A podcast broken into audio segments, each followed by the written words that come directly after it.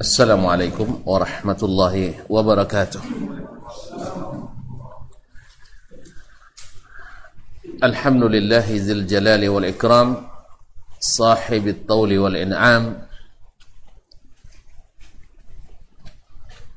أحمده سبحانه وتعالى على نعمه العظام وأشكره على آلائه الجسام. أشهد أن لا إله إلا الله وحده لا شريك له الملك العلام وأشهد أن محمدا عبده ورسوله سيد الأنام عليه أفضل الصلاة وأتم السلام. وعلى آله وأصحابه الأعلام البررة الكرام ومن تبعهم بإحسان ما تعاقبت الليالي والأيام. أما بعد فأولى ما يفتتح به الكلام في مثل هذا المقام الوصية بتقوى الله الملك العلام وطاعته على الدوام فإن تقوى الله أعلى نسب وإن طاعته أغلى مكتسب. إن أكرمكم عند الله أتقاكم وتزودوا فإن خير الزاد التقوى واتقون يا أولي الألباب. معاشر المسلمين والمسلمات الحاضرين والحاضرات أو المشاهدين والمشاهدات. Bapak dan Ibu-ibu, saudara dan saudari baik yang hadir di rumah mengaji Azam ataupun yang menyaksikan melalui media di mana pun berada. Alhamdulillah pada petang ini di hari Kamis kita kembali diizinkan Allah untuk sama-sama berada di tempat ini dengan tujuan sama-sama mengaji kembali. Mudah-mudahan Allah mudahkan kita memahami dan mengamalkan apa yang dikaji. Dan semoga kehadiran kita ini sebagai tanda syukur kita kepada ilahi dan dibalasnya dengan nikmat-nikmat yang senantiasa bertambah dan berlipat khususnya nikmat iman, nikmat Islam, nikmat hidayah yang sangat mahal ini. Salawat dan salam kepada baginda Rasulullah sallallahu alaihi wasallam. Alhamdulillah dengan izin Allah kemudian dakwahnya kita merasakan nikmat iman ini dan menjadikan kita berharga dan bernilai di hadapan Allah di dunia dan di akhirat. Oleh itu, kenanglah selalu jasanya, ingatlah selalu budi baiknya dengan banyak berdoa terbaik untuknya yaitu selawat dan salam kepadanya. Allahumma salli wa sallim wa barik wa zid wa an'im ala abdika wa rasulika Muhammad wa ala alihi wa ashabihi ajma'in. Ma'asyarul muslimin, ma'asyarul muslimat yang dirahmati Allah. Kembali kita melanjutkan kaji Al-usulul lati bana alaiha ahlul hadis manhajahum fid da'wati ilallah. Landasan-landasan yang menjadi tolak atau landasan-landasan menjadi titik tolak para ahli hadis dalam berdakwah kepada Allah tabaraka wa taala. Dan sudah beberapa majlis kita sudah sebutkan apa yang dimaksud dengan ahli hadis, siapa mereka, bagaimana kedudukannya, bagaimana sifat-sifatnya.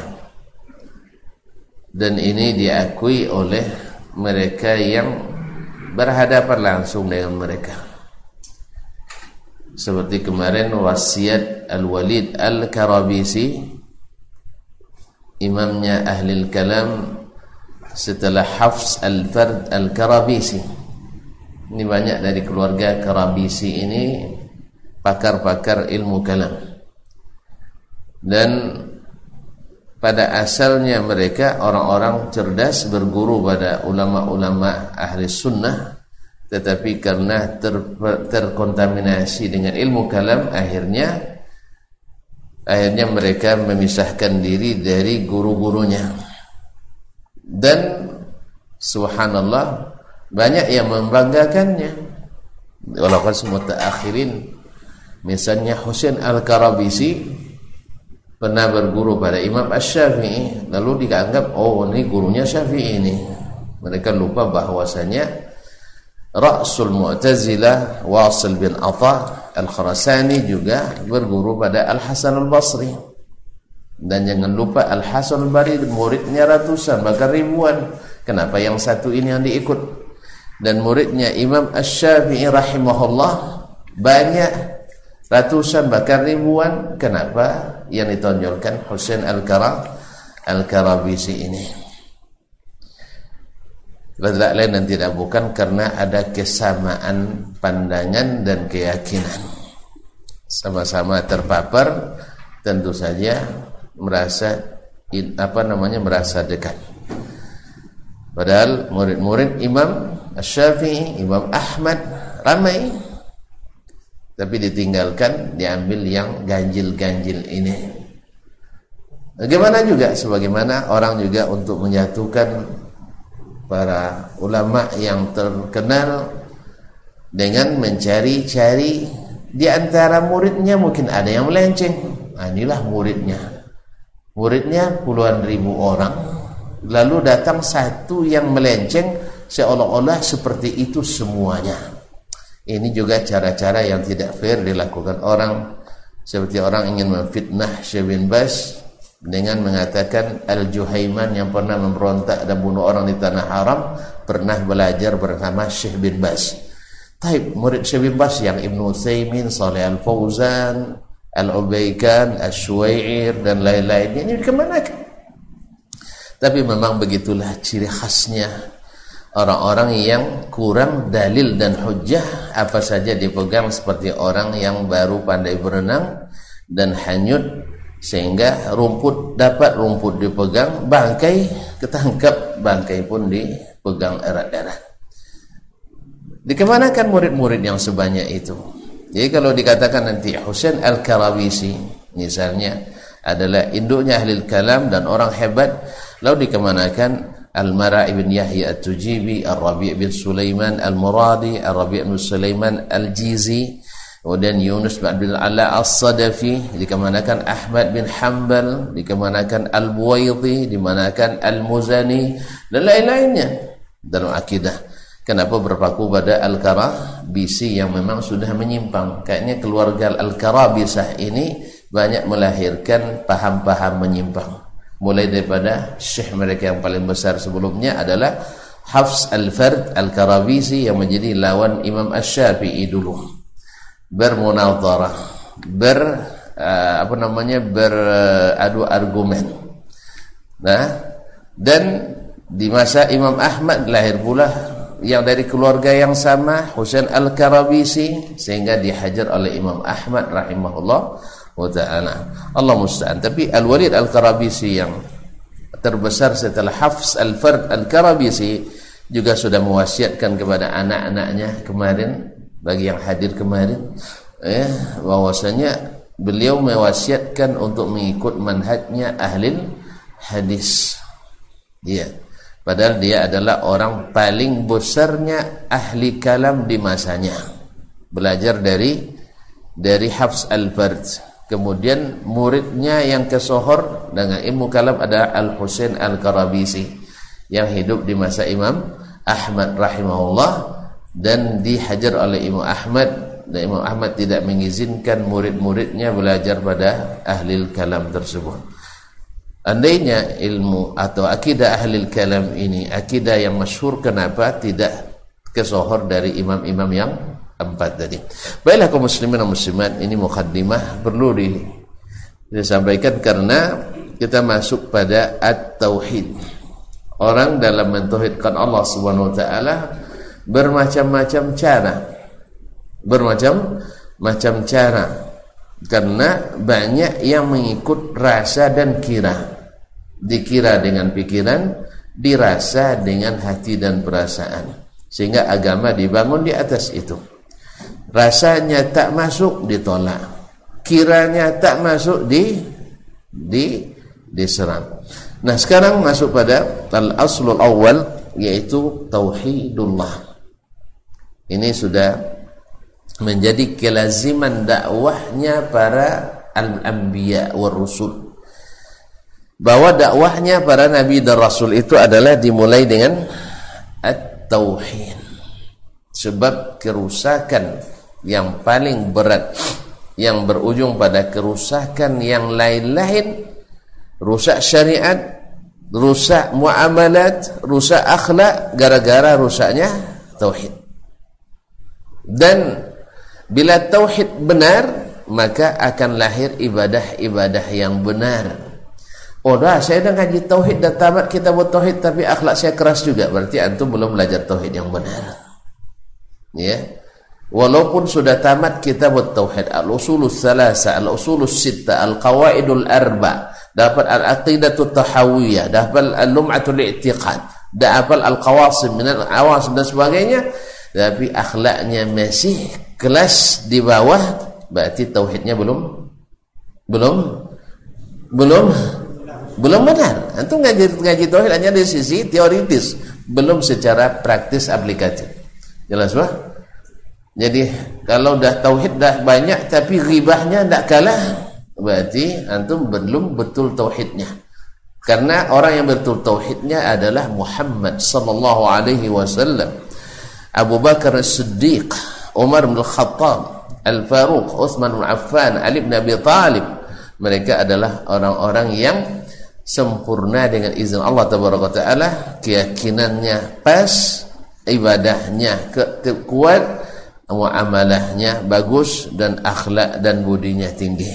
Oleh itu kaum muslimin dan muslimat sering kita melihat atau menyaksikan kontradiktif antara akidah dengan ibadah seseorang atau dengan akhlak dan etikanya. Saya katakan berarti tauhidnya belum sampai pada tingkat aplikasi baru hanya secara teori. Assalamualaikum warahmatullahi Ma'asyiral kiram, Bapak dan Ibu kaum muslimin dan semangat yang dirahmati Allah. Ini asal pertama. Jadi kalau ada dia ini untuk menjawab karena sebagian ber, berasumsi dibangun di atas persepsi yang keliru bahwa para imam seperti Imam Malik, Abu Hanifah, Asy-Syafi'i, Ahmad rahimahumullah jami'an dengan murid-murid mereka dan guru-guru mereka tidak ahli dalam masalah tauhid. Sehingga kita perlu merujuk orang lain setelah mereka berabad-abad lamanya maka kita katakan ini keliru. Sebab menyalahi manhajnya ar-rusul para rasul dan anbiya para nabi. Mereka berdakwah memulai dengan menanamkan tauhid yang benar. Dan dalam hadis sahih Muslim dari Samura ibn Jundub radhiyallahu taala anhu dia menegaskan kunna nata'allamul iman qabla an nata'allama al-Qur'an. Kami belajar beriman dulu sebelum belajar al Al-Qur'an. Supaya apa?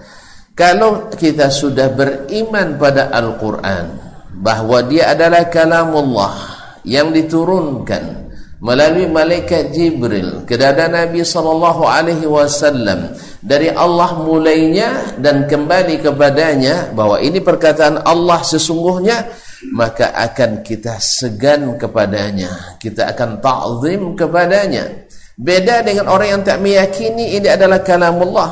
Tetapi adalah makna yang Allah ciptakan. Ini segannya tak sama tuan-tuan. Tuan-tuan dapat surat cinta dari kekasih. Pernah jatuh cinta kan? tak pernah? Miskin? Ya syekh. Atau tak ada cinta di hati? Miskin ya perkataan dari yang kita cintai langsung pasti beda dengan perkataan orang yang melalui atau mediatornya. Kalau bahasa sekarang macam belangnya, pasti lebih berharga daripada perkataan dia langsung. Betul apa enggak? Masa enggak pernah merasanya? Kau muslimin pasti akan lebih. Maka siapa yang meyakini Al-Quran sebagai kalamullah dan beriman kepadanya akan lebih mentazim Al-Quran dibanding dengan orang yang meyakini ini hanya sebagai sarana kalamullah. Di sinilah kaum muslimin mustahil mereka para imam ini secara teori tak mungkin tak mengajarkan tauhid dan secara aplikasi benar mereka mengajarkan tauhid. Kenapa? Karena mereka memulai ilmunya dengan Al-Qur'anul Karim. Ya, kalau tonton baca biografi para ulama khususnya ulama yang empat lah dulu ya. Abu uh, Abu Hanifah hafal Quran umur ah 9 tahun. Ahmad afwan. Kita urut lah ya. Imam Malik hafal Quran umur 10 tahun. Imam Asy-Syafi'i hafal Quran umur 7 tahun, bukan 17, siapa bilang 17? 7 tahun. Dan Imam Ahmad hafal Quran umur 9 tahun. Kalau mengikut teori orang Amerika modern hari ini, ini manusia-manusia super cerdas. Sebab dalam teori pendidikan orang Amerika hari ini bahwa anak kecil umur 6 tahun sampai 9 atau 10 tahun bila hafal 13.000 lebih kata-kata bahasa Inggris dianggap anak super cerdas. Coba uji anak antum. Antum ya. Anak siapa ni? Ayo ngaku ayahnya siapa? Ha? Antum asli bahasa apa? Orang mana aslinya? Jawa. Sumbar, orang Minang. Hafal enggak 13.000 kata dalam bahasa Minang? Nah, ini enggak, berarti enggak super cerdas. Hafal 13.000 kata dalam bahasa Inggris dia anggap sebagai anak super cerdas. Saya katakan masih jauh kalah oleh anak-anak kaum muslimin Anak-anak orang Islam hafal Quran umur 6 sampai 10 tahun dan Al-Quran mengang, apa, mengandung berapa ribu kemarin? Hah? 6 ribu itu ayatnya. Ayatnya. Biar gampang ngapalnya 6666. Tapi tidak jumpa. Wah, itu muslimin dan muslimat dirahmati Allah. Untuk jawab ujian nanti ya ujian negara jawab 6000 666 mudah nah Masyaallah kiram dirahmati Allah. Jumlah kalimat kan tadi kata. Jumlah kata dalam Al-Quran berapa? Antum dah sering baca Quran tak pernah ngitung. Tak sempat. Hah? berapa? itu jumlah ayatnya sayang. Jumlah kata dalam satu ayat kan banyak kata itu nah satu ayat berapa kata? Misalnya zalikal kitabu la raiba fihi hudan lil muttaqin satu ayat. Berapa kata? Zalika al-kitabu la raiba fihi hudan lil muttaqin. Tujuh kata. Nah, berapa kata semua dalam Al-Quran? 77 ribu Masya Allah Tengok dia Alhamdulillah Jazakallah khairan 77 ribu Lebih kata Berarti mana yang lebih cerdas Anak ormat Islam atau anak orang Amerika? Ah? Anak orang Islam. Ini kalau saya bahas lagi panjang ceritanya nanti. Nah, ya. Jadi makanya kenapa Al-Quran dilarang dihafal oleh mereka karena mereka takut kalah. Dibuatlah orang-orang yang hafal Quran, orang yang lebay, tidak ikut perkembangan zaman dan dan dan, dan seterusnya ya. Tapi alhamdulillah kita tak pengaruh oleh itu. Karena terbukti anak-anak yang habis Quran super cerdas. Alhamdulillah. Buktinya kita-kita kan hafiz jadi ndak hanya sedikit-dikit cerdas. Dikit-dikit pula dikit-dikit cerdas banyak-banyak ah dikit-dikitnya cerdas banyak-banyak? Cerdas juga? Alhamdulillah. Kaum muslimin dan muslimat dirahmati mau ngaku ya memang. Masyaallah kiram dirahmati Allah SWT Jadi mustahil mereka yang manhajnya mengikuti Nabi SAW bahkan seperti Imam Ash-Syafi'i digelar Nasirus Sunnah penolong sunnah dan Imam Ahmad disebut dengan Imamun Ahli Sunnah Al-Imamun Mubajjal. Imam Ahli Sunnah Ahmad bin Hanbal. Lalu mereka tidak menegakkan sunnah dalam masalah akidah. Jelas? Oleh itu maka perlu kembali untuk mengaji bagaimana pokok-pokok dakwah ahlul hadis. Maka dikatakan yang pertama adalah al-aqidah at-tauhid Jelas? Jelas? Kalau jelas sudah kan? Masuk Isa? Belum, taib. Masyaallah kiram dirahmatillah. Jelas tapi nak diperjelas lagi ya. Taib. Kita sudah bahas kemarin makna at-tauhid adalah inti daripadanya adalah ikhlasul ibadah. Lillahi ta'ala kepada Allah tabaraka taala baik ibadah hati atau ibadah badan ibadah hati atau ibadah badan. Sebagian ulama membaginya ibadatul qulub ibadatul lisan wa ibadatul abdan. Yaitu ibadahnya hati ibadahnya lisan dan ibadahnya anggota tubuh atau anggota badan. Jadi mengikhlaskan seluruh ibadah ini baik yang dalam hati kita seperti cinta, senang, tawakal, bergantung, berlindung dan sebagainya. Dengan ibadah lisan kita. Berzikir, bertahmid, bertasbih dan sebagainya. Demikian pula dengan demikian pula dengan ibadah badan yang berkaitan seperti salat seperti bekerja dan sebagainya hanya karena Allah tabaraka. Inilah makna tauhid itu. Dan ini intinya.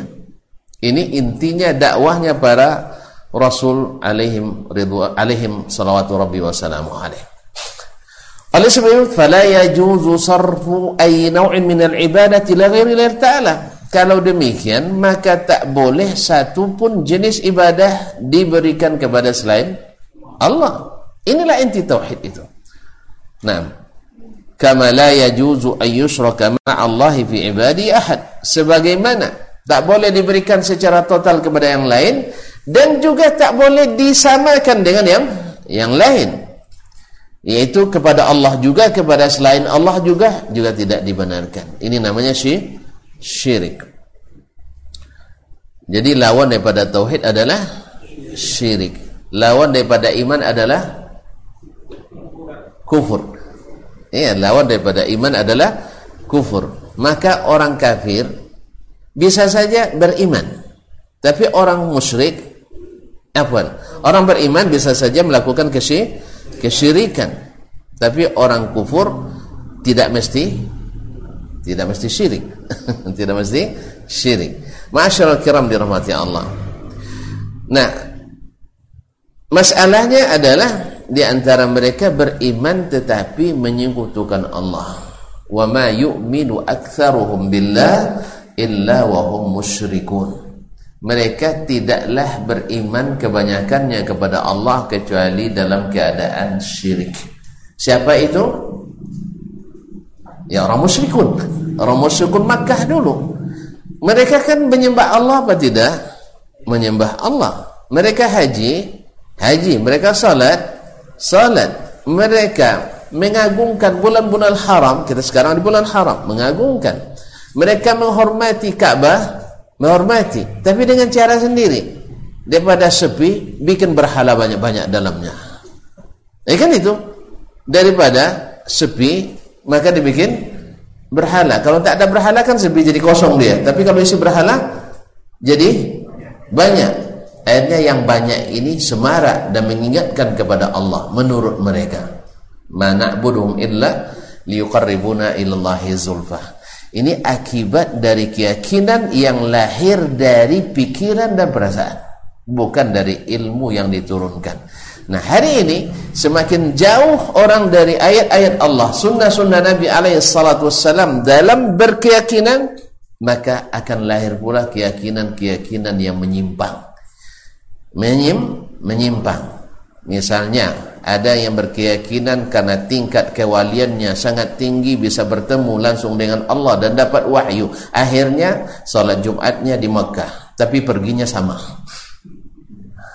Sampai-sampai dikatakan orang yang tak berbaju, bercelana pendek, merokok, duduk di podium dianggap wali wali tingkat tinggi, wali majdub katanya dari wajli mazdub. Ya sudah gila jadi wah, wali. Kalau sudah gila tu apalagi jadi wali.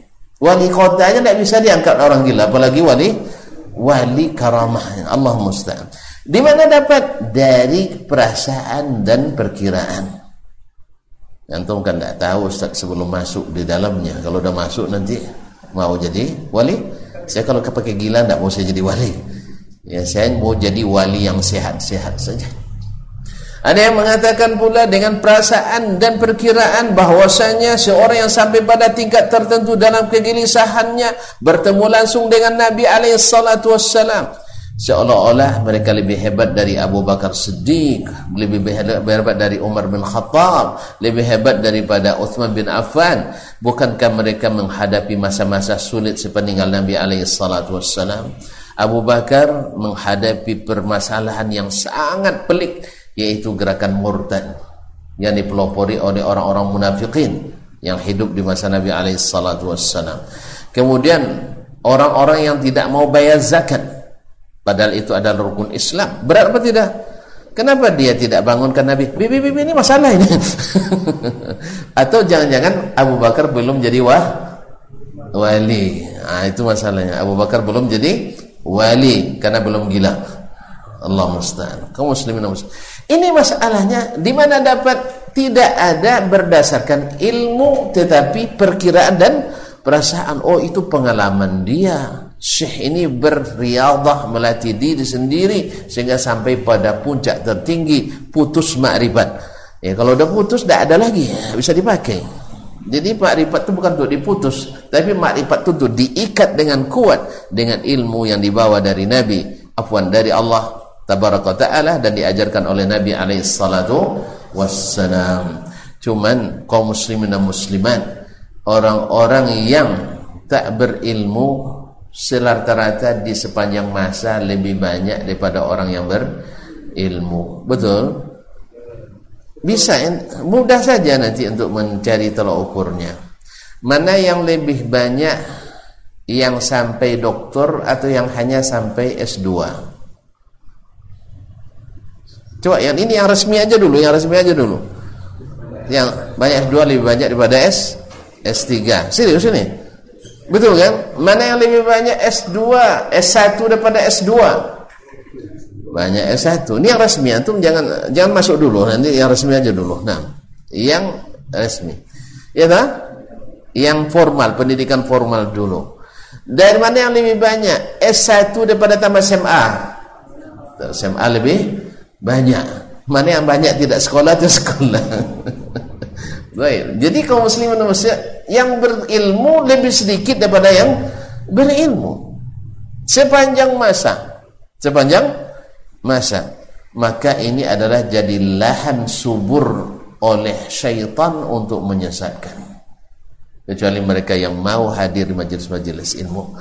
Nah, antum lihat sendiri, yang hadir di majelis ilmu paling banyak atau yang berjalan di jalan? Coba hitung dulu, bagi keluar dulu. yang duduk di majelis ilmu itu sedikit. Kemudian yang duduk di majelis ilmu, yang istiqamah sampai selesai kitab ini, kita hitung nanti. Nah, buat absennya. Lebih banyak atau yang tidak? Tentu yang mundur lebih lebih banyak. Bukan masalah kaji tak sedap. Bukan masalah ustaz tak lucu. Masalahnya adalah berat itu menuntut ilmu. Maka akhirnya kita mudah untuk diselewengkan, disesatkan. Apalagi kalau sama sekali tak ngaji. Apalagi yang tanggung-tanggung, yang tanggung-tanggung ngaji. Iya. Hadir sekitar pekan, lima pekan hilang. Lima pekan hilang. Apalagi dengan perasaan, ah sama aja ustaznya. Iya itu terus diulang-ulang tauhid tauhid tauhid tauhid tauhid tauhid. Ya. padahal nanti bid'ah bid'ah. Sunnah sunnah. Akhirnya ah, kalau sudah gitu nanti dia lebih hebat dari ustadznya orang yang merasa lebih hebat selalu tidak selalu tidak hebat. Orang yang merasa lebih hebat selalu tidak tidak hebat Sebab orang yang hebat itu selalu menganggap yang lain lebih hebat. Ini tuh. Makanya kita lihat Imam Syafi'i dengan Ahmad saling menonjolkan mereka. Tanya ke Syafi'i, Ahmad lebih hebat. Tanya ke Ahmad, Syafi'i lebih hebat. Tanya ke Malik, Malik bilang Syafi'i cerdas. Ditanya ke Syafi'i, Al-Malik lebih cerdas. Kalau kita hari ini susah untuk mengakui kelebihan orang. Apa sebab? Karena kita tidak banyak punya kelebihan. Jadi la ya'riful fadla li zawil fadli illa zawil fadli. Takkan mengenal kelebihan orang yang punya kelebihan kecuali orang yang memang punya kelebihan pula. Masyarul muslimin wal muslimat rahimanillah wa iyyakum. Kemudian bahwa ibadah itu tak boleh diberikan kepada selain Allah. Dan ini intinya dakwah para nabi itu.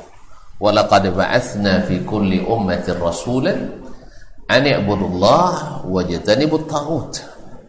Sesungguhnya kami telah bangkitkan kami utus kepada setiap umat itu seorang rasul yang isi dakwanya an i'budullah. Beribadahlah kepada Allah saja wajtanibu taghut dan hindari sembahan-sembahan lain selain Allah. Berarti jangan berikan ibadah. Dan ini sesuai dengan misi penciptaan jin dan manusia. Wa ma khalaqtul jinna wal insa illa liya'budun. Aku tidak ciptakan jin dan manusia kecuali hanya untuk beribadah kepadaku. Ibnu Abbas menafsirkan liya'budun dengan makna liwahidun untuk mentauhidkanku. Apa rahasianya? Sebab sejak dunia ini dihuni oleh manusia dan kalangan jin, mereka sudah beribadah. mereka sudah beribadah. sejak Nabi Adam alaihissalam seperti yang dikatakan oleh Tabari dari Abdullah bin Abbas radhiyallahu taala anhuma bahwa manusia dulu bertauhid kepada Allah sampai syaitan menyesatkan mereka. Mutar-mutar mereka dengan keyakinan-keyakinan lain. Nah, pada intinya mereka beribadah. Cuman lihat umat manusia yang tidak Islam pun beribadah apa tidak? Beribadah. Ada yang beribadah kepada patung-patung beribadah kepada manusia sendiri bahkan kepada hewan dan sebagainya. Tetapi uh, di sinilah makna bahwasanya liwahidun liya'budun dengan makna liwahidun supaya mentauhidkanku. Karena ibadah yang tidak didasari tauhid tidak diterima. Innallaha la yaghfiru ayyushraka bihi wa yaghfiru ma duna dzalika liman yasha. Allah tak ampuni dosa syirik kepadanya. Dengan ampuni dosa mana pun. Kemudian Nabi dalam had, uh, dalam hadis kursi Nabi merekam dari Rabbul Alamin man amila amalan asyraka fihi ma'iya ghairi taraktu wa syirkah siapa yang beramal suatu amalan untukku tapi menyekutukanku dengan sesuatu yang lain aku tinggalkan dia dengan syiriknya itu. Kau tak terima. Oleh itu kaum muslimin dan muslimat maka liya'budun bukan makna hanya sekedar beribadah tapi beribadah hanya kepada Allah. Di sini dah makna liwahidun yang ditafsirkan oleh Imam Ibn Abbas radhiyallahu taala anhumah. Dan tauhid itu kaum muslimin pada masa Nabi kan tidak ada pembagian-pembagian pembagian tauhid enggak ada, pembagian dalil enggak ada. Kan ada. Tapi apakah tidak ada dalam zaman Nabi? Saya ulang lagi lagi. Bahwasanya tauhid terbagi sekian. Ya dalam istilah golongan mana pun seperti sifat Allah ada 20. Ada zaman Nabi? Enggak ada. Atau sifat fi'liyah dengan sifat khabariyah. Ada istilah ini zaman Nabi? Enggak ada. Sama juga dengan al-aslu fil amri lil wujub. Ya, illa ma dallat dalil wa ala khilafi.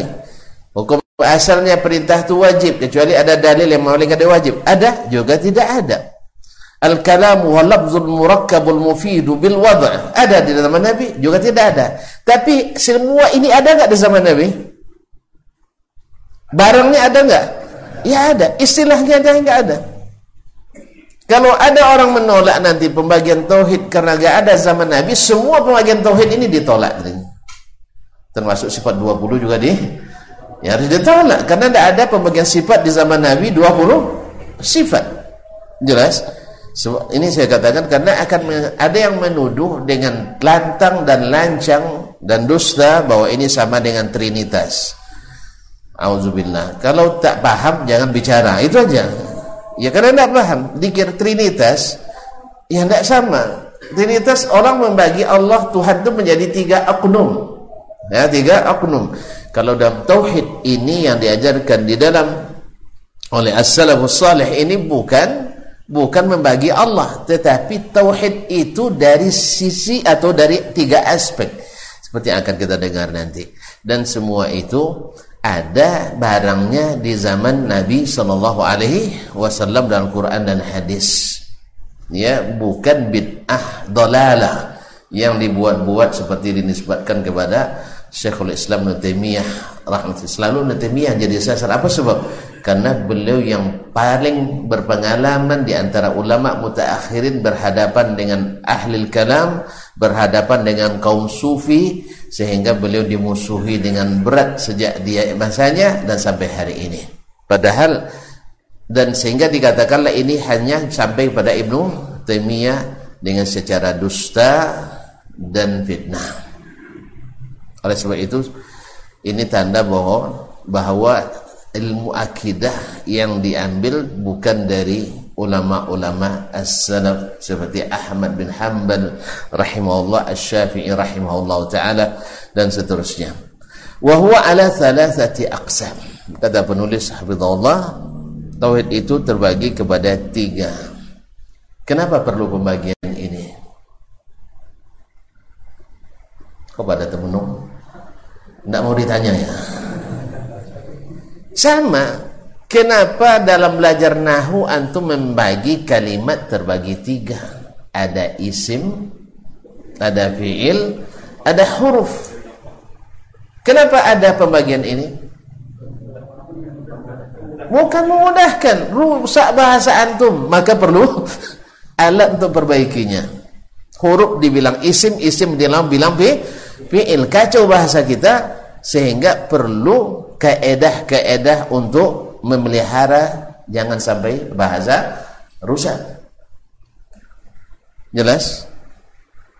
Ketika pemahaman orang dalam fikih banyak yang sudah mulai lemah maka diperlukan kaedah usul usul fikih. Ini semuanya alat. Kalau alat lah banyak keluar maknanya Ya Syekh, antum di rumah banyak alat? Kunci-kunci, kunci 12, kunci 10 dan sebagainya banyak. Kapan keluar? Ketika rusak. Kalau tidak rusak, tidak pernah keluar. Di mobil antum, antum mobil running diambil buka kertas, eh buka apa? Buka plastik.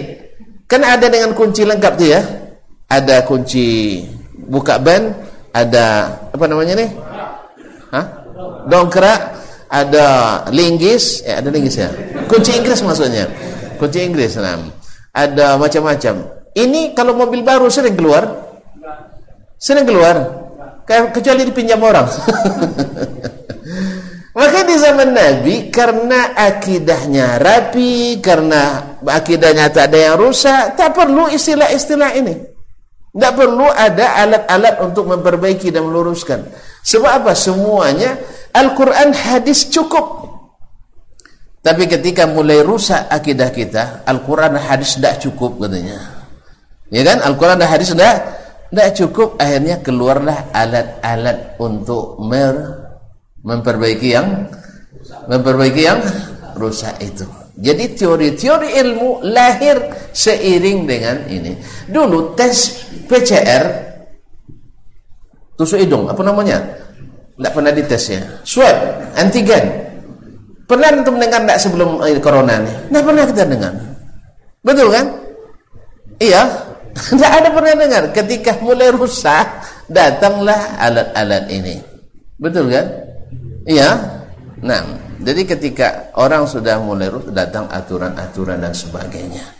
Nah, lahirnya pembagian ini karena ada yang bermasalah di dalam mentauhidkan Allah taala dari umat manusia karena mereka tidak lagi cukup dengan Al-Qur'an dan sunnah. Maka diperlukan pembagian ini. Sehingga ada yang mengatakan asal tidak mengatakan Allah dua itu sudah sempurna tauhidnya. Walaupun dia beribadah kepada selain Allah. Dan tidak sedikit orang tidak memahami ibadah itu hanya kalau solat saja, puasa saja, zakat itu ibadah. Kalau berdoa itu tidak ibadah. Padahal Nabi katakan ad-du'a huwal ibadah. Doa itu adalah intinya ibadah. Ibadah. Maka tidak ada ibadah kecuali ada doa di dalamnya. Jelas? Dan ingat, catat. Banyak orang tidak tahu bahawa syirik pertama masuk ke dalam tubuh umat manusia melalui melalui saya syirik masuk pertama kali melalui saya baru datang nih kasihan. Melalui doa. Dan sampai hari ini doa adalah media paling subur dalam menyekutukan Allah Taala. Dan sayang sebagian besar umat tidak memahaminya. Tidak akan ada orang langsung meyakini Allah ada dua itu tidak ada itu orang kafir aja. Tidak ada orang mengatakan bahwa yang berkuasa di langit pertama Tuhan ini, yang berkuasa di langit kedua Tuhan ini. Itu hanya orang-orang yang tak berislam saja itu. Jelas?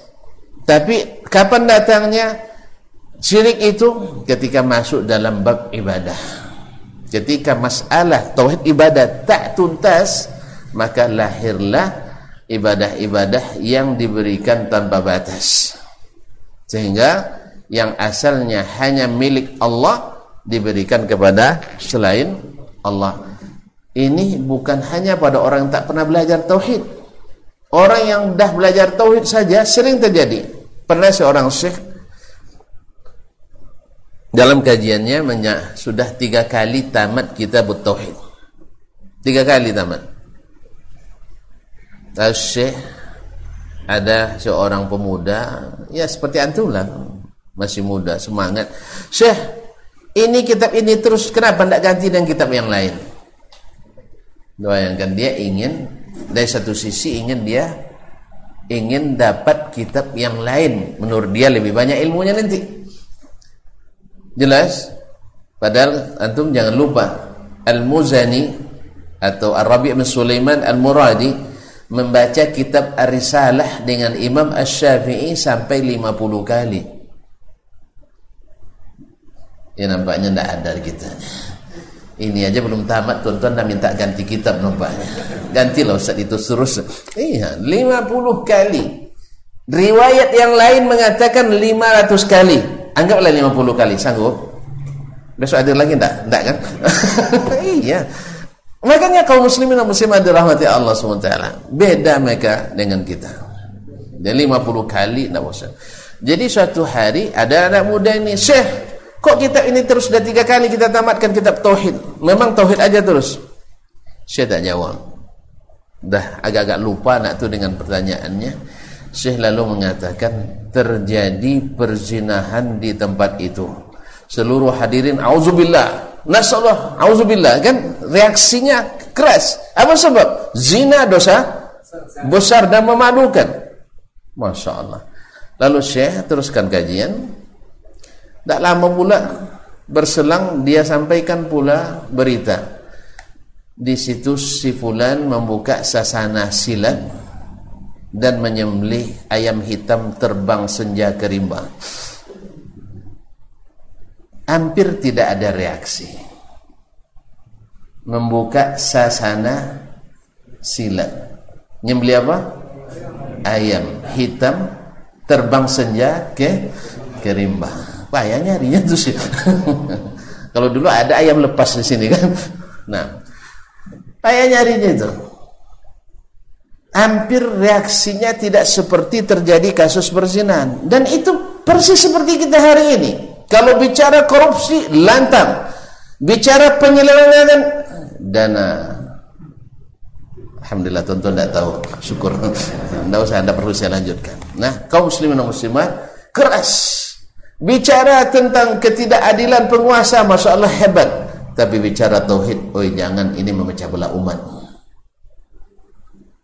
Padahal mohon maaf kaum muslimin andainya antum diam dengan kesyirikan yang terjadi di masyarakat dan itu dosa. Dengan kezaliman penguasa yang ada di tengah-tengah kita mendiamkannya juga termasuk dosa. Mana yang lebih besar dosa mendiamkan syirik daripada dosa mendiamkan kezaliman penguasa. Ah, tapi kok reaksinya beda? Karena reaksinya beda.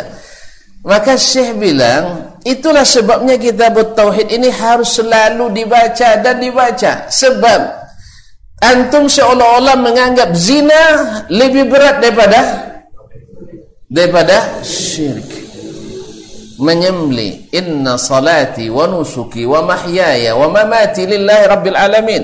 Menyembelih bukan karena Allah dan untuk Allah itu namanya syirik. Oh enggak kami tidak menyekutukan Allah dah terus apa namanya? Antum sembeli untuk untuk apa? Coba yang pernah silat. Ayo.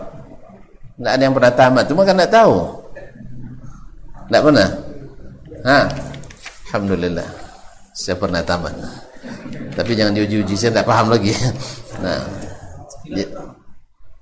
tidak tahu silap nah basilek tidak tahu juga. Alhamdulillah. Untung nah jadi ikhwani kaum muslim yang muslimat dirahmati Allah ini tujuannya adalah untuk me menjadi penghalang serangan-serangan dari pihak yang yang lain. Melalui siapa? Tidak tahu juga. Tidak ada guru silat rupanya di sini. Kaum muslimin dan muslimat dari melalui media-media selain Allah, Allah tabaraka wa taala. Masyaallah kiram dirahmati Allah. Hari ini kita juga coba lihat komentar-komentar. Anda bicara tentang sunnah bid'ah, padahal orang berbuat dosa maksiat di samping rumah Anda, Anda diam. Pertama kita juga tidak diam. Cuman diam bukan berarti antum tidak tahu bukan berarti diam seperti kata Syekh Al-Utsaimin ketika dikritik tidak pernah menasihati penguasa katanya, ya ahli katanya, tidak semua yang saya lakukan harus saya laporkan ke antum. Karena melaporkan sebagai manusia hari ini ria, tapi besok di akhirat dilaporkan itu namanya suka suka suka ria. ya di akhirat boleh suka ria kan? Tapi di sini ria aja nggak boleh, apalagi suka suka ria. Tidak kena ria yang rumahnya di jalan apa dekat jalan ikhlas. Ada gang ria di sana. Lucu juga ya. Jalannya ikhlas gangnya ria. Nggak, antum orang pekan baru nampak. Pergi nanti ke jalan ikhlas tahu ya suka jadi. Nanti cari namanya gang gang ria. Siapa yang masuk ke situ jadi suka suka ria. Masyaallah kiram dirahmati Allah. Antum mendiamkan maksiat Lalu kata Syekh, tidak semua yang kami lakukan harus kami sampaikan ke antum, apalagi menasihati penguasa. Sebab menasihati penguasa itu kalau diumumkan diikuti oleh penguasa juga tidak baik. Pak, nanti dikira orang penguasa itu lemah, takut sama ulama. Ya tak? Kan banyak nanti yang buzzernya pula. Ya tak? Dan kalau tidak diikuti lebih parah lagi dasar zalim. Sudah dinasihati tapi tidak mengikuti.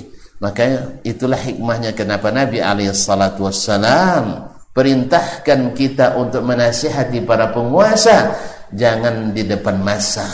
Karena itu tidak baik diterima atau ditolak pasti tidak baik komentarnya. Diterima ada yang komentar negatif. Tidak diterima lebih banyak lagi yang negatif. Maka kalau antum punya akses sampaikan. Kalau tidak la yukallifullahu nafsan illa wus'aha. Jelas? Jelaskan manhaj nabi itu kan? Jelas?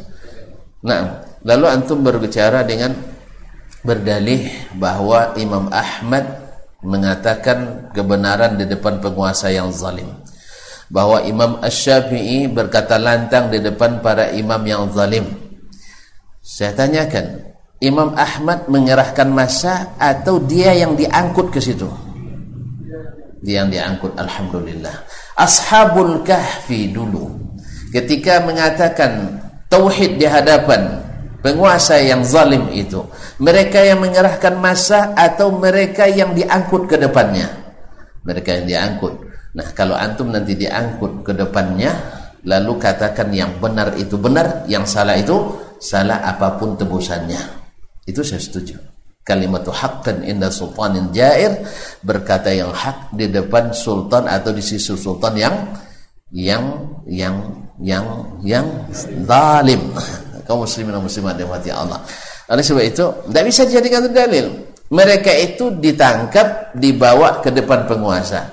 Kalau antum bermupakat untuk menyerahkan masa melawan penguasa sama beda tak? Beda. Nanti minta aja lah sama penguasa. Antar saya ke depan anda, saya akan katakan. Mau? Mau? Sambil diikat. Nah, oleh sebab itu, maka baik-baikkanlah etika dan jangan mengada-ngada dalam berbuat karena sesungguhnya mengada-ngada itu dilarang oleh Allah dan Rasulnya Sallallahu Alaihi Wasallam. Kok pada ke mana-mana? Gara-gara pembagian? Tahim. Sebab ada pembagian ini karena banyak yang tidak jelas. Sehingga kita tuh kalau dulu orang ngaji kitab tak pakai rumus-rumus begini ya. Ya dah sehingga ada pula sebagian kawan-kawan tuh asal pakai rumus-rumus ah, ini ini orang haroki nih kata eh, tidak mau baca kitab itu ini keliru juga ya hari ini kita memerlukan itu. Dibuat dulu al kalimah lalu pembagiannya al ism kemudian al fi'il kemudian al huruf kemudian al ism ah mu'rabah mabniyah. Fi'il mabniyah mu'rabah. Dan seterusnya ya jelas?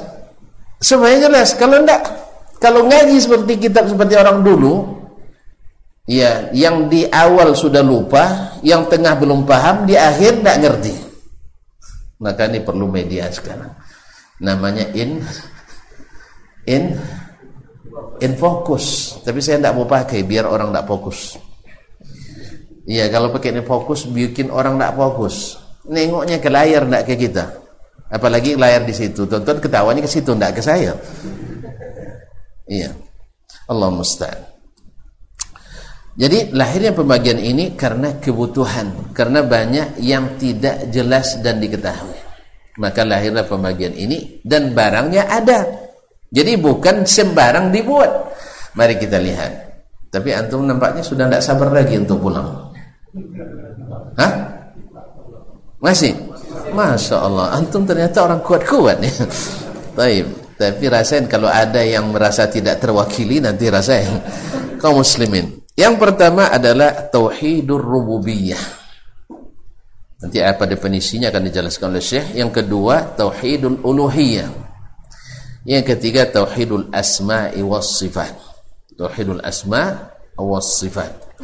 Masyaallah kiram dirahmati Allah SWT Kalau ada yang tidak paham dengan ini Mari kita simak apa ini maksud Dan kalau tidak setuju dengan istilah ini Silakan buat pula pembagiannya Yang penting jangan mengada Jangan mengada-ngada.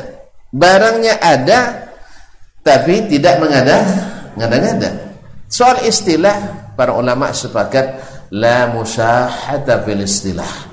Tapi kalau dengan fitnah dan dusta bahwa ini adalah diada-adakan oleh Ibn Taimiyah, kemudian terputus setelah dia wafat, lalu tiba-tiba timbul oleh Ibn Wahab. Subhanallah, tiba-tiba hilang tiga berapa nanti dari abad ke-8 sampai abad ke-12. Berapa abad itu? Empat abad. Tiba-tiba timbul begitu saja. Tidak ada yang membawanya. Ini adalah tidak bisa terima secara ilmiah. Kalau bukan karena paham orientalis yang memarsuki kaum muslimin sebagiannya ini tidak mungkin diterima karena orientalis ingin mengatakan kepada umat Islam bahwa antara Nabi wafat dengan kalim atau hadis dicatat ada 100 tahun lebih. Sebagian mengatakan 200 tahun lebih. Maknanya apa? sanatnya tidak bersambung. Maka akidah as-salaf tidak bersambung dengan as-salaf. Akidah khalaf bersambung dengan kan lucu akidah salaf tak bersambung dengan salaf. Akidah khalaf bersambung dengan salaf. Paham enggak berarti itu bahasa kita bawa nanti kita berkhalab ke sini. Biar paham. Jadi ingin mereka mengatakan akidah ini kan dinamakan dengan akidah tuh as-salaf. Akidah ahlul kalam aqidatul khalaf. Jadi khalaf itu yang datang belakangan salaf itu yang duluan. Nah yang duluan dengan akidah orang yang duluan tidak bersambung. Tapi yang datang belakangan dengan yang duluan akidahnya bersambung. Masuk akal nih ini akibat selalu main akal-akalan sehingga tidak masuk akal. Tidak paham juga. Ini lebih vulgar lagi nanti. Ahlus sunnah yang menegakkan sunnah dianggap ahlus sunnah palsu.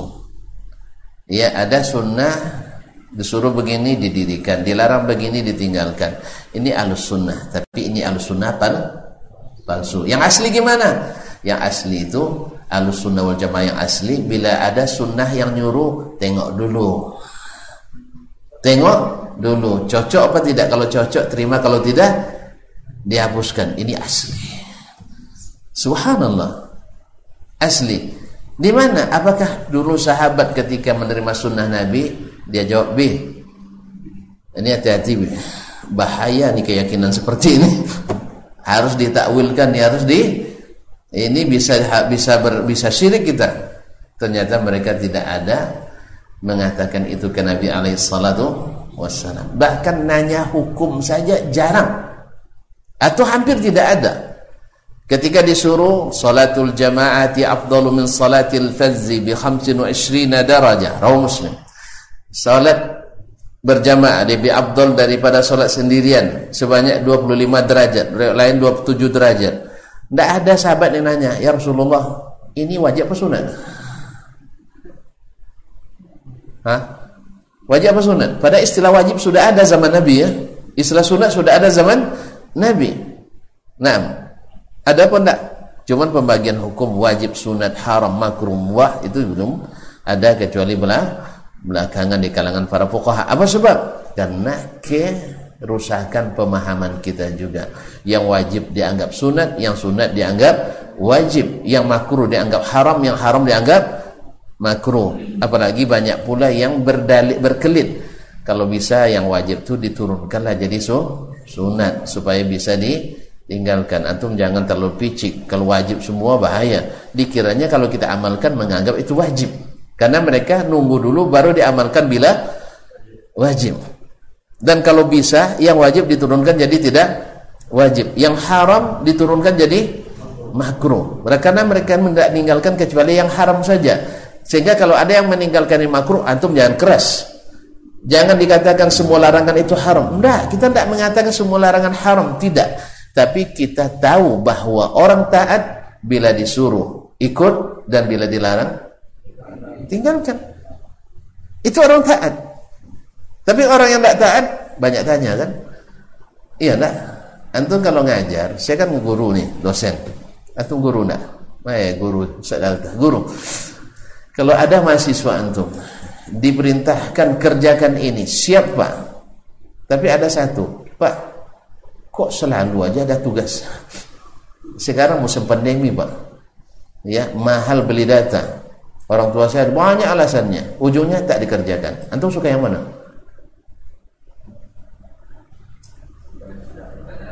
Suka yang tidak bertanya? Ya, karena takut pertanyaan tidak terjawab kan? bukan bukan bertanya. Suka yang tak banyak menanya, apalagi menyanya.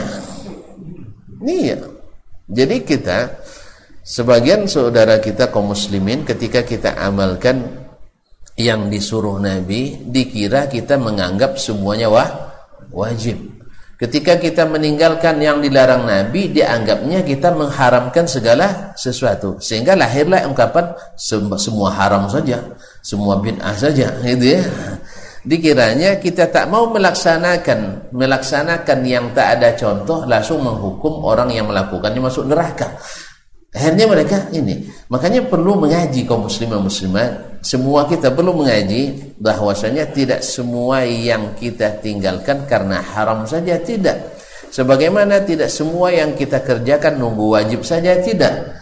Dan kita juga tidak mengatakan bahwa semua yang diperintahkan wajib semua yang dilarang itu ha haram. Cuman kita paham dengan sebenar-benar paham bahwa Allah suka bila dia memerintah kita laksanakan. Bahwa Nabi alaihissalatu wassalam senang kalau dia memerintahkan kita laksanakan.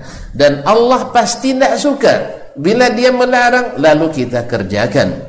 Dan Nabi juga tidak ridha bila umatnya bila dilarang lalu melanggar. Jelas?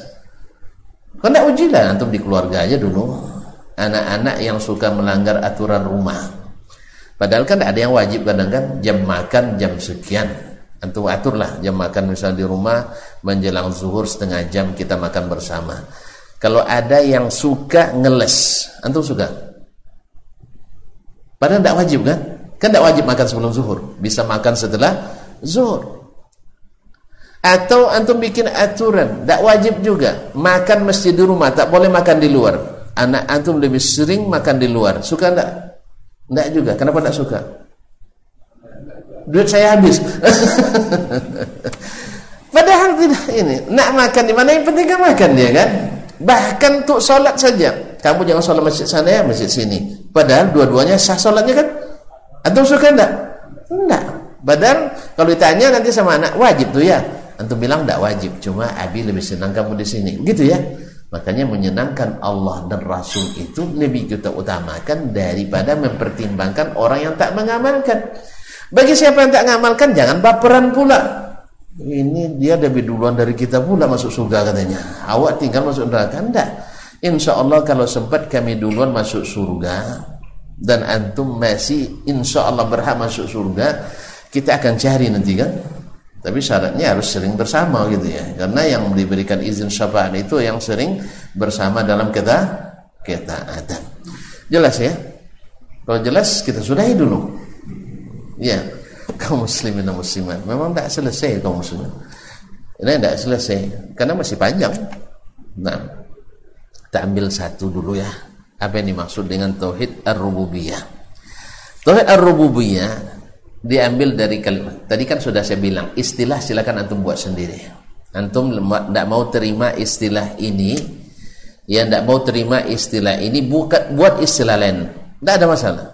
Tidak ada masalah la musyahata bersilah tapi dengan catatan jangan mengada-ngada jangan mengada-ngada seperti membatasi sifat-sifat Allah dengan angka tertentu ini kan mengada-ngada ini pada Allah menyebutkan lebih banyak lagi ini mengada ngada-ngada kalau ini tidak ini dalilnya lengkap dalam Al-Quran dan sunnah Nabi Sallallahu Alaihi Wasallam yang pertama Ma huwa Rabb? Ar-Rabbu huwal Malik.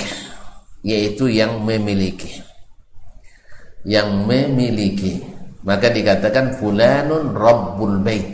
Si fulan itu pemilik rumah ini.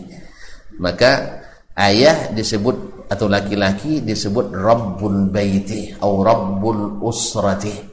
Pemilik rumah. Disebut juga dengan As-Sayyid yaitu pemimpin. Dan Allah memang salah satu namanya adalah As-Sayyid. As As-Sayyid. Dalam hadis riwayat At-Tirmizi Nabi SAW mengatakan innallaha huwas sayyid. Sesungguhnya Allah lah yang sayyid itu nah, ini juga sesuatu yang apa namanya kontradiktif dalam mengamalkan seseorang tidak mau menyebut nama Nabi kecuali dengan sayyid sayyidina kalau tidak berarti tidak alus sunnah itu Subhanallah, yang punya sunnah itu sendiri mengajarkan tanpa say, sayyidina gitu. Iya, yang punya sunnah itu sendiri mengajarkan umatnya untuk mengucapkan salawat dengan Allahumma salli ala Muhammad. Tapi kita kalau tak pakai sayyidina ciri khas bukan ahli ahli sunnah. Sehingga terpaksa buat sayyidina. Allah musta'an kaum muslimin muslimat dirahmati Allah. Alasannya apa lagi? Karena Nabi itu mengatakan ana sayyidu waladi Adam, waladi Adam. Saya penghulu Bani Adam. Taib. Kalau antum berdasarkan hadis, pakai juga hadis ini. Innallaha was sayyid. Allah adalah Sayyid. Kalau segan sebut sama Nabi tanpa Sayyidina, sebut juga nama Allah dengan Sayyidun Allah. Ya kan? Karena Allah lebih patut disegani daripada Nabi sallallahu alaihi wasallam. Ya kan? Jaleh. Kalau dalilnya hadis digunakan mesti pakai Sayyidina maka menyebut nama Allah biar sopan biar beretika pakai juga Sayyidun Allah nah, sana ashadu an la ilaha illa Sayyidun Allah repot ya Baik, ketika syahadat kenapa nak pakai sayyiduna ya? Wa asyhadu anna Muhammadan ha? Sayyiduna Rasulullah. Baik, Allah musta'an. Maka jangan merepotkan diri kaum muslimin. Bukan dilarang, tapi jangan diwajibkan yang tidak Allah dan Rasul wajibkan. Ini bukan dilarang, silahkan. Tetapi jangan buat-buat dan ada-adakan pada sesuatu yang tidak dibuat oleh Nabi dan diperintahkan. Kemudian wal mudabbir. Yudabbirul amra minas sama. Allah mengurus urusan hambanya dari dari langit. Eh salah tunjuk. Gigit sampai lokam dulu ya. Kaum muslimin dan muslimat dirahmati Allah. Sering orang nunjuknya ke atas tapi lisannya mengatakan tidak tahu tidak boleh katakan di atas matanya memandang ke atas tapi ditanya jangan bilang Allah di atas. Hatinya pun naik ke atas maka dia bilang jangan bilang Allah di atas. Ketika dia mengatakan memuji Allah sama-sama kita panjatkan puji dan syukur. Manjat ke mana ya salah kalah lagi. Lisannya kadang-kadang benar tapi masih akalnya yang bermasalah. Ya bermasalah. Karena apa dicampur adukkan antara yang hak dengan yang batil. Biasanya yang dominan adalah yang batil. Air putih diisi setitik, air kotor menjadi air kotor. Walaupun setitik. Makanya jangan dicampurkan antara wahyu dengan dengan pendapat Pak Iya, wahyu dengan pendapat Pak Pak Wahyu. Maksudnya perkataan Allah dan perkataan makhluk. Apalagi kalau menjadikan acuan diterimanya perkataan Allah dengan acuan makhluk. Akhirnya wahyu yang begitu luas menjadi sempit. Allah yang begitu besar menjadi kecil. Dan sifat Allah yang begitu banyak menjadi sedikit Padahal kita paham semakin banyak sifat keutamaan, kelebihan yang Allah miliki, semakin naik dan semakin tinggi sikap ta'zim dan segan kita kepada Allah Tabaraka wa Ta'ala. Tapi semakin sedikit, semakin dikit pula segan kita kepada Allah Tabaraka. Dan ini sangat jelas pengaruhnya. Sangat jelas pengaruhnya antara yang mengimani seluruh yang ada dalam Al-Quran dan hadis dengan yang mengimani sebagiannya maka dalam pengaruh ibadah pun berpengaruh. Orang yang tidak beranjak di Al-Quran Sunnah dalam akidahnya dalam ibadahnya pun istiqamah di atas Quran dan Sunnah. Tapi kalau sudah di akidahnya melanggar maka di ibadah pun mudah-mudah melanggar juga. Alasannya apa? menurut perkiraannya baik. Ambil baiknya. Hah? Buang buruknya. Wal mudabbir makna dari ar-rabb adalah yang mengurus. Waraziq yang memberi rezeki. Maka kalimat rabb ini kalimat yang paling umum. Maka Allah disebutlah dengan rabbul alamin. Rabbul alamin. Karena maknanya lebih lengkap lebih include dari makna-makna yang lain Di situlah maka dinamakan tauhid, mentauhidkan Allah. Dengan makna ini disebut dengan tauhidur rubu rububiyah. Maknanya apa? At-tasdiqut tam, yaitu membenarkan secara penuh, tidak ada ragu lagi. Apa? Wal jazim dan keyakinan yang pasti. La yusawiruhu syak tak ada satu pun keraguan secul keraguan pun. Wala yudakhiluhu dhannun. Dan tidak pula masuk ke dalamnya perkiraan dan sangka. Annallaha ta'ala huwal mutafarrid. Bahwa Allah lah yang satu-satunya. Bil khalqi yang menciptakan. War rizqi yang memberi rezeki. Wat tadbiri yang mengatur wal ihya menghidupkan. Wal imatati mematikan. Wa bima'rifatil ghaib dan yang mengetahui yang gaib. Hanya satu-satunya Allah. Wa bitakdiril umur dan yang menentukan segala urusan. Kabiriha baik yang besar wa saghiriha ataupun yang kecil. Jaliliha yang nampak. Wa daqiqiha yang tidak nampak khairiha wa syarriha baik yang baik maupun yang yang buruk. Itu semuanya hanya Allah. Dan tak ada ragu sedikit pun. Nah bagaimana dengan orang yang meyakini kalau ada di sana wali kutub namanya? Wali kutub utara kutub selah selatan. Atau ada yang gaus yang berpengaruh mengurus alam raya ini. Bisa menurunkan hujan sendiri bisa menahan hujan sendiri bisa mengetahui yang ada dalam kandungan dan seterusnya maka ini tidak sesuai dengan tauhid yang pertama. Dalam rububiyah Allah tabaraka taala. Kalau begini berarti tidak jazim tidak pasti. Ada keraguan padanya. Yang seperti ini mungkin sedikit. Yang seperti ini mungkin sedikit. Kalau sudah sampai pada penyelewangan tadi yang perasaannya terlalu tinggi maka akhirnya menyimpang dari jalan Nabi alaihi salatu wassalam. Wa annahu subhanahu wa ta'ala al-murabbi li khalqihi ajma'in. Dan bahwasanya Allah subhanahu wa ta'ala yang mengatur mengurus ya yang mendidik hamba atau makhluknya semua. Bini'amihi zahirah. Dengan nikmat-nikmatnya yang terlihat. Wal batina yang tak terlihat Nikmat terlihat makan, minum dan seterusnya. Yang tak terlihat iman, keyakinan dan seterusnya. Wallati minha irsalur rusul. Di antaranya adalah mengutus para rasul wal anbiya dan para nabi lihidayatihim ila tauhid wa dinillahil qawim. Yang tujuannya adalah membimbing makhluk kepada tauhid dan agama Allah yang lurus hatta la yakuna linnasi 'ala Allahi hujjatun ba'da rusul.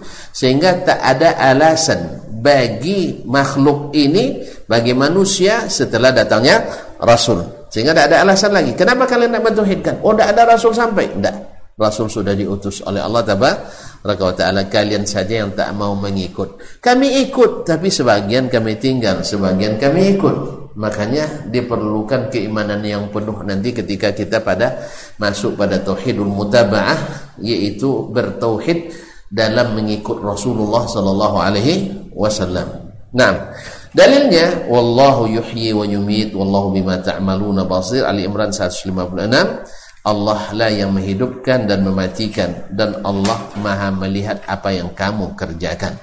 Berkata pula Allah Azza wa Jalla wa ka'ayyin min dabbatin la tahmilu berapa banyak binatang melata. Mereka lahir tanpa membawa rezeki. Ya tanpa membawa rezeki. Bahkan sebagian ditinggalkan oleh induknya. Seperti gagak. Masih ingat kisah gagak? Gagak kalau beranak ditinggalkan oleh oleh induknya. Kenapa? Curiga dia. Jangan-jangan istrinya. Apa sebab lahir gagak kan tidak hitam? Putih. Gagaknya? Indonya hitam. Sehingga dia menjauhi anaknya. Tentu tidak tahu ini ya? Coba lihat nanti sarang gagak jadi tinggalkannya. Subhanallah. Allah yang berikan rezeki. Maka Allah utus pula ya ada ulat-ulat yang tertarik pada sarang gagak. Ulat ini ingin mendapatkan makanan di sarang itu dan dia sendiri menjadi mangsa anak-anak gagak yang ditinggalkan oleh ibunya. Ibunya curiga, ini bukan anak anak saya. Karena DNA-nya berbeda. Warna kulitnya berbeda. Kaum muslimin dan muslimat dirahmati Allah. Maka wajarlah manusia curiga. bila maknya putih ayahnya putih tiba-tiba anaknya hitam gitu tapi jangan langsung telah jatuhkan tolak diperiksa dulu datuk-datuk ke atas Jangan-jangan seperti kata Nabi sallallahu alaihi wasallam, naza'u irqun ternyata datuk dari istri kita orangnya hitam legam.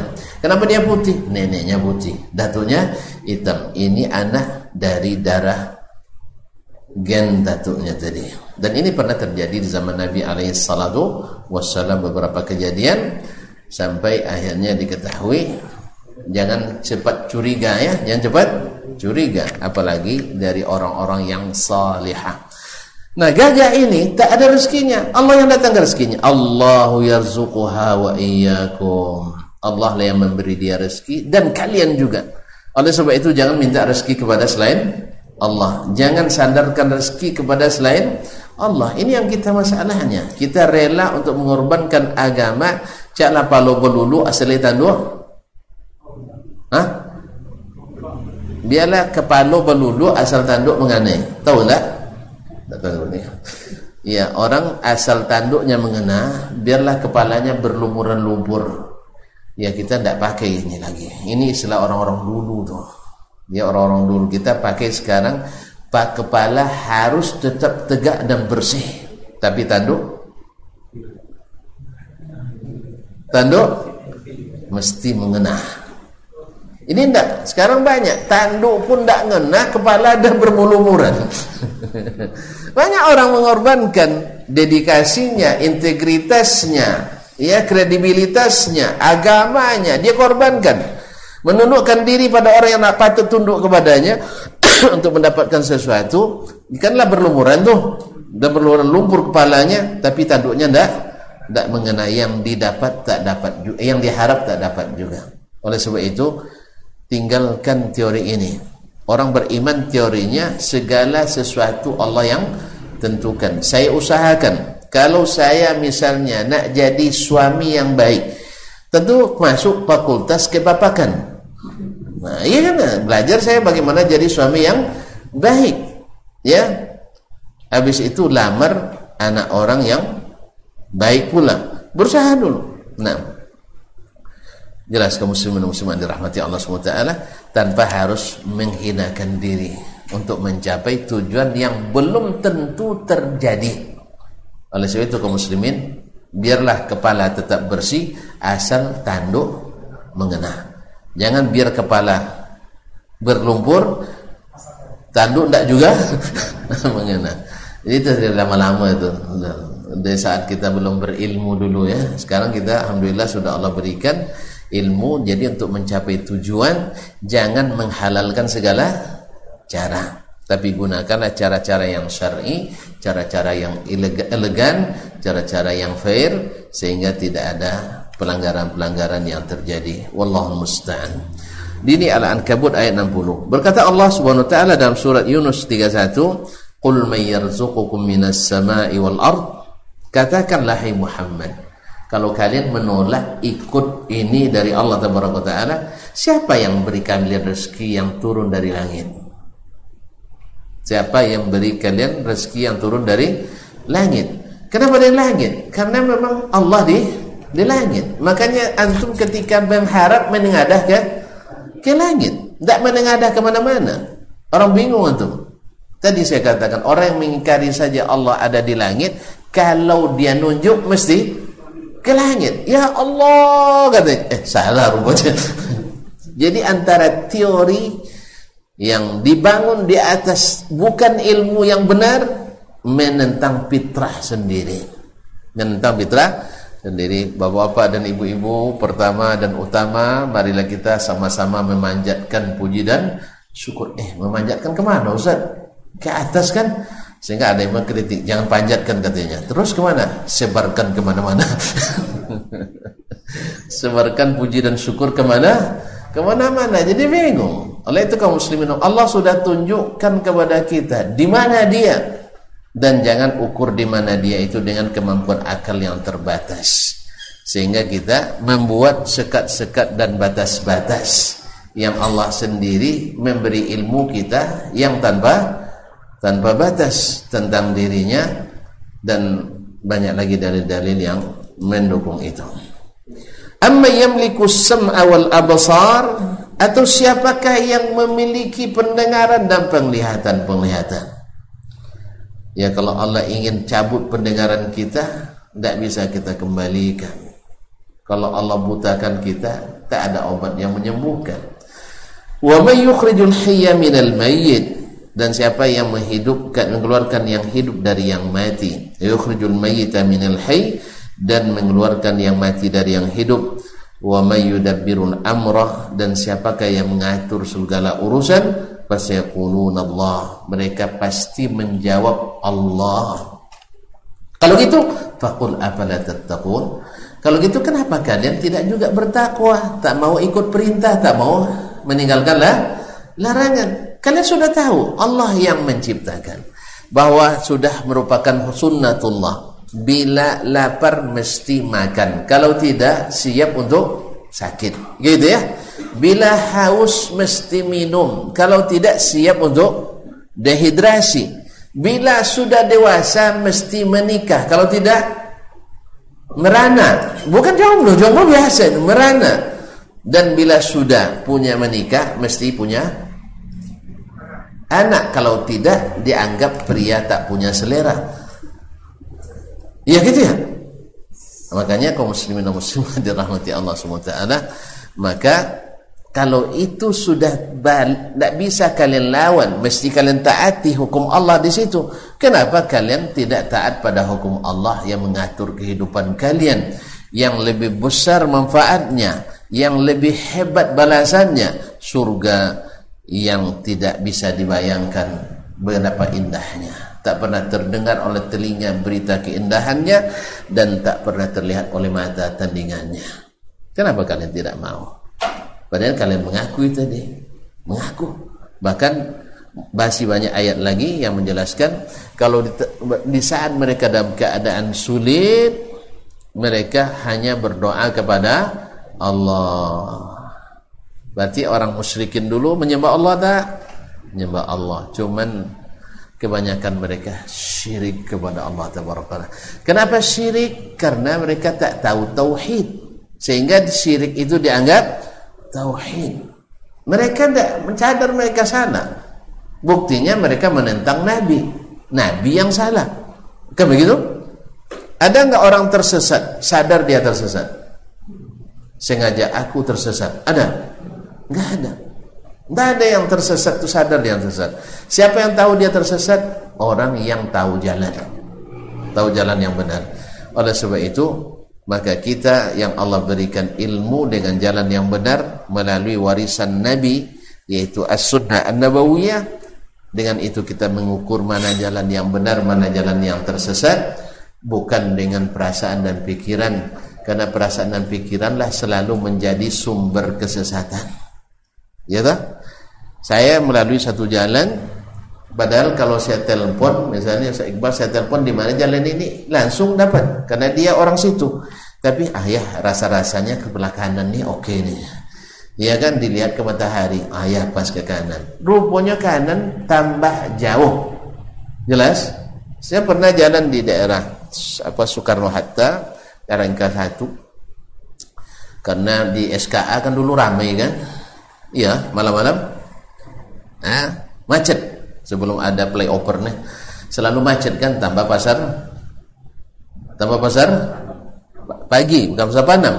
Pasar pagi. Nah, akhirnya karena malam hari nak menghindari jalan macet itu masuk ke jalan Pajar sana tuh. Nah, yang menuju Palas, jalan Palas. Sampai di sana, saya kan masih baru di sini. Di samping saya orang kuliah Unri ada anak gadis. Iya baru nikah kan? Ya saya nyetir itu dia kan lama di Pekanbaru karena kuliahnya di Perikanan Undri lalu saya setir. Sampai di Jalan Palas saya kan tidak berilmu nih tentang jalan. Lalu saya tanya ke yang berilmu. Yang berilmu rupanya kira-kira. Ilmunya kira kira dilihatnya tower Telkomsel. Oh so di situ cunya ya kan? Karena orang cu kan Akhirnya saya belokkan ke kanan. Tambah jauh tambah dekat? ternyata yang dikira berilmu pun ilmunya kira-kira dan dan rasa rasa-rasa. Rasanya ke situ. Ada tandanya. Padahal towers itu kan banyak. Bukan hanya itu. Awak karena tidak banyak tidak belum hafal pekan baru dikira tower hanya itu. Ini tower arah panam nih katanya. Ayolah saya belok kanan tambah lama tambah gelap tambah lama tambah sampai ke leton dua. Sampai leton dua teringat saya saya pernah ke Dumai melalui jalan ini. Ini tambah jauh nih deh rasa-rasanya iya masih rasa-rasanya akhirnya tanya lah katanya enggak tempat gelap ini saya tidak mau bertanya. Nanti tanya lagi sama orang yang yang tak jujur. Tambah tersesat kita iya kan ada orang tempat bertanya kita kadang tidak jujur tidak jujur. Tidak jujur mereka nanya saya kata teman-teman kalau orang Mesir antum tanya ke dia tidak pernah jauh tidak tahu jalan. Makanya kalau antum sempat ke Mesir nanti. Tapi tanya ada teman-teman yang tamat Mesir ya. Katanya orang Mesir kalau ditanya jalan pantang bilang nggak tahu. Dia bilang nanti lawali jalan lurus. Nanti ada simpang perempatan misalnya belok kiri. Ada lagi lampu merah belok kanan. Lampu merah belok kiri. Akhirnya kita tambah tersesat. Dia nggak tahu cuman dia tahu di sana ada lampu merah sini ada lampu merah. Main kira kira-kira. Kabarnya begitu. Saya belum pernah mencoba. Jadi oleh sebab itu jangan tanya begitu percaya dengan orang. Ya nanya jalan. Maksudnya nanya jalan tadi. Nanya jalan. Antum jangan salah paham ya akhir saya bicara hanya khusus nanya jalan. Kalau nanya jalan kan orang jalanan biasanya. Kalau nanya ilmu ke ulama tentunya baiklah kaum muslimin dan muslimat ini orang di jah di jalan. Jelas? Jangan dikembangkan ke mana-mana nah ini nanya orang yang di perjalanan. Jadi gak, mungkin di kita ada juga. Di kita mungkin ada ada juga di negeri kita ini. Pantang mengatakan oh maaf saya tidak tahu itu ya. Ya ini ditunjukin orang jalan tambah jauh tambah kesasar.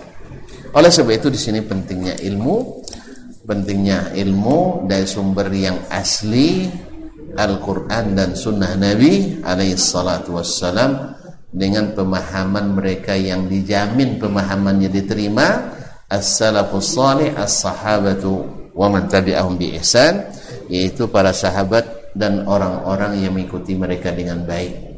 Dengan catatan ini perlu diingat terus dan saya ingatkan terus bahwa orang yang berada di jalan yang benar sekali-kali tergelincir. Sah? Kadang-kadang ketabrak dari belakang. Atau dia sendiri yang nabrak orang. Nak nginjak rem terinjak gas. Atau kehabisan bensin di jalan. Speedometernya tidak aktif. Jelas? Atau belok lupa main sain. Ditabrak orang juga dan seterusnya jadi bukan berarti orang yang lurus jalannya tak pernah salah dan berdosa. Orang yang bertakwa bukanlah orang tak pernah berdosa. Sebab kalau gitu sama kita dengan Nabi sallallahu alaihi wasallam. Tidak ada yang maksum. Oleh sebab itu tak boleh mengukur kebenaran dengan orang tertentu. Kecuali Rasulullah sallallahu alaihi wasallam. Jelas? Jelas tak? Ini kadang kita sudah melewati fase-fase di mana kalau tak baca buku Syekh Saleh Fauzan, ah, berarti tidak ahli tauhid kita. Salah besar. Ya saya? Jelas? Saya berpengalaman itu. Ada orang pengurus masjid nanya masalah ke saya, saya jawab dengan detail dalilnya. Lalu ditanya, siapa jawab? Ustaz Asman, oh tidak masuk. tidak masuk Ustaz Asman. Akhirnya ditanya sama orang lain ya orang lain jawabannya ringkas sama jawabannya. Tapi jawab ah ini baru jos. Ya tidak apa-apa. Yang penting kita tidak beda. Cuman karena beda saja cara menyampaikan menyampaikannya. Allah musta'an. Oleh sebab itu sekali lagi tidak ada selain Nabi yang masuk oleh sebab itu makanya ahlus sunnah wal jamaah tak pernah takut disalahkan. Karena mereka cari kebenaran silahkan salahkan tidak ada masalah andai pun antum fitnah kita dengan sekejam-kejamnya tak mengurangi sama sekali sebab bersama kita ada Allah dan Nabi alaihi salatu wassalam tapi kalau memang jujur menasihati ahlan wa sahlan ustaz ustaz salah dalam keyakinan ini Ini dalil dan buktinya. Bisa antum yakinkan? Insya Allah kita langsung cabut. Ya, bukan lari. Artinya cabut keyakinan yang salah itu, pindah keyakinan yang yang benar. Tapi dengan syarat dalilnya jelas dan saya paham. Wallahu musta'an wa alaihi tuklan. Mudah-mudahan bermanfaat. Tidak ada pertanyaan sudah lewat waktu sih.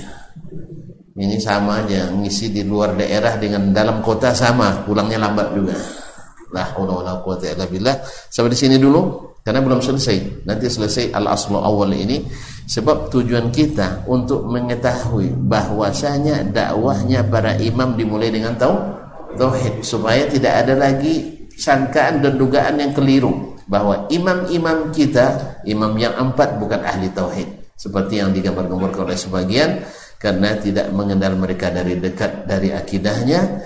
Karena sudah terbiasa dengan akidah yang ditulis oleh kalangan khalaf sehingga ingin menyamakan pula as-salaf dengan al-khalaf. Padahal antara langit dan bumi.